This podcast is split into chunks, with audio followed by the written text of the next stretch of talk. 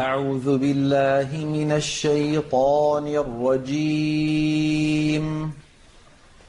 بسم الله الرحمن الرحيم. القارعة. ما القارعة؟ وما أدراك ما القارعة؟ يوم يكون الناس كالفراش المبثوث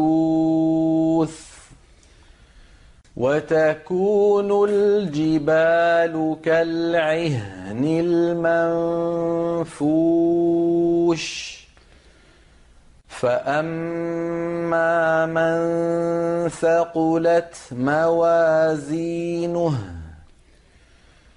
فهو في عيشة راضية. وأما من خفت موازينه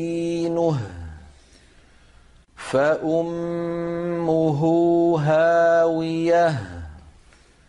وما أدراك ما هي؟ نار حامية.